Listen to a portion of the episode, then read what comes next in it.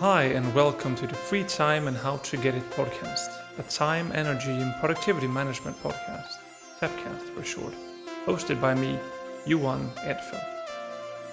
The goal of every episode is to provide you with something to increase your time, your energy, or your productivity management skills, and hopefully give you a more fulfilled life.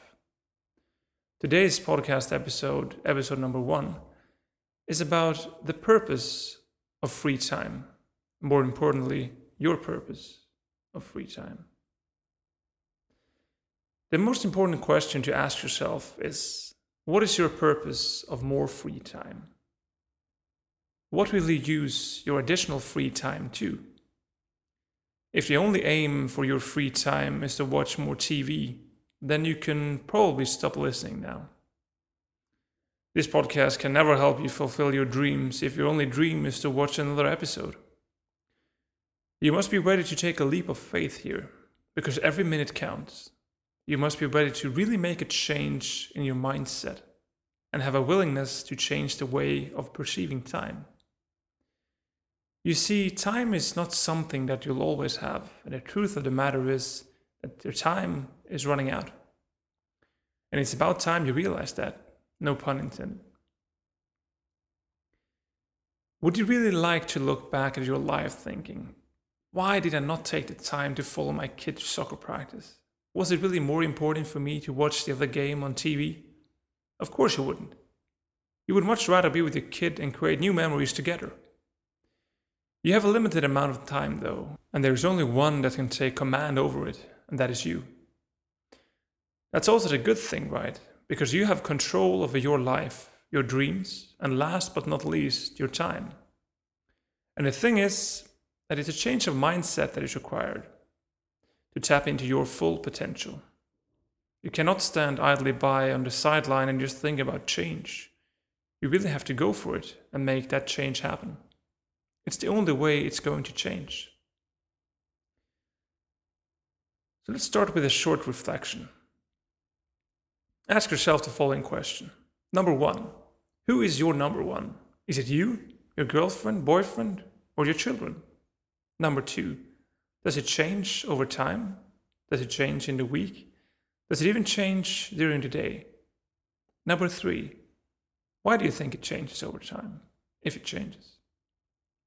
Number four, is there a reason behind the change, or is it more important for you to keep that focus on yourself? These questions are for your own reflection. There are no right or wrong answers. It's more for yourself to reflect over time and its position in your life.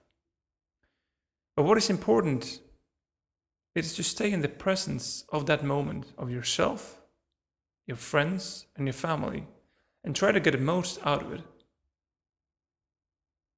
Now, let's get to the bottom of the purpose.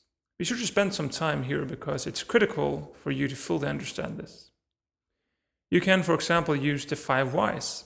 Basically, the idea is asking the question why five times until you get to the bottom of an issue, problem, to the root cause. It doesn't have to be five times, it could be as many as you muster until you cannot find a deeper why.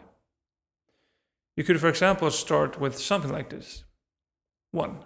Why do I work at my current job? Well, because I like it. Number 2. Why do I like my job? Well, because it provides me with challenges that I enjoy. Number 3. Why do I enjoy these challenges? Well, because I like solving problems through innovation. Number four, why do I like solving problems? Well, because uh, that allows me to fix something that is broken. Number five, why would I like to fix something? Well, I can't stand broken things and I live for finding the best solution to a problem. The challenges with this journey is that it is indeed a journey and it's not obvious that you're going to find the answer straight away. It might take quite a bit of time. For myself, I've studied many different subjects at universities and um, I still don't feel complete, which is why I'm studying a part time MBA in the evenings and weekends to further expand my knowledge, but also search for even more interesting subjects that I've not been exposed to before. After I've completed my part time MBA, I'm sure that I will not feel complete, and perhaps I'll start studying something else.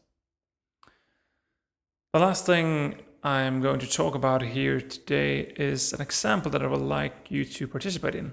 I would like you to follow me on a journey. And don't worry, it's a short one and you don't require any travel. It's more of a mental journey. Now imagine yourself that you have enough money not to ever again worry about money. Okay? Have you imagined yourself that yet? Maybe you're sitting on a private island enjoying a cool drink and gazing out over the open ocean.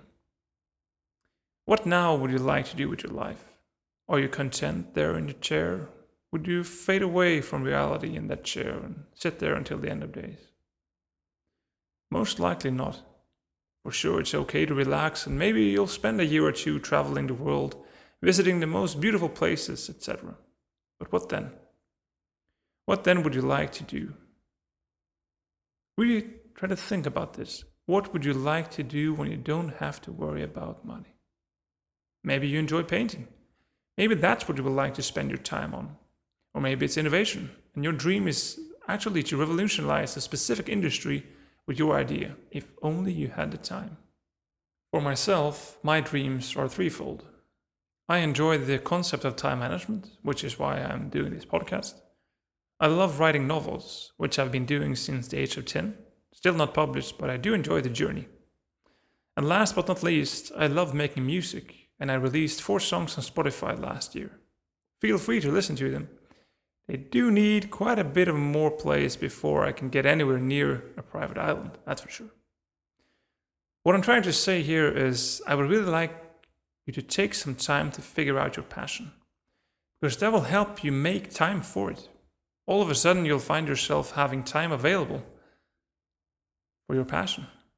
And hopefully, one day you can live of it, and then you'll be working with your passion all the time. That concludes today's episode. I want to thank you very much for listening. Send in your questions to uh, the freetimepodcast at gmail.com. I'll gather them in a QA session once in a while.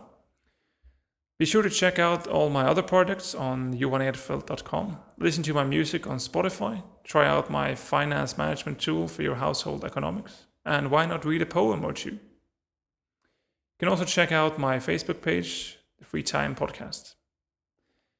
Thank you very much for listening, and I'll see you next week.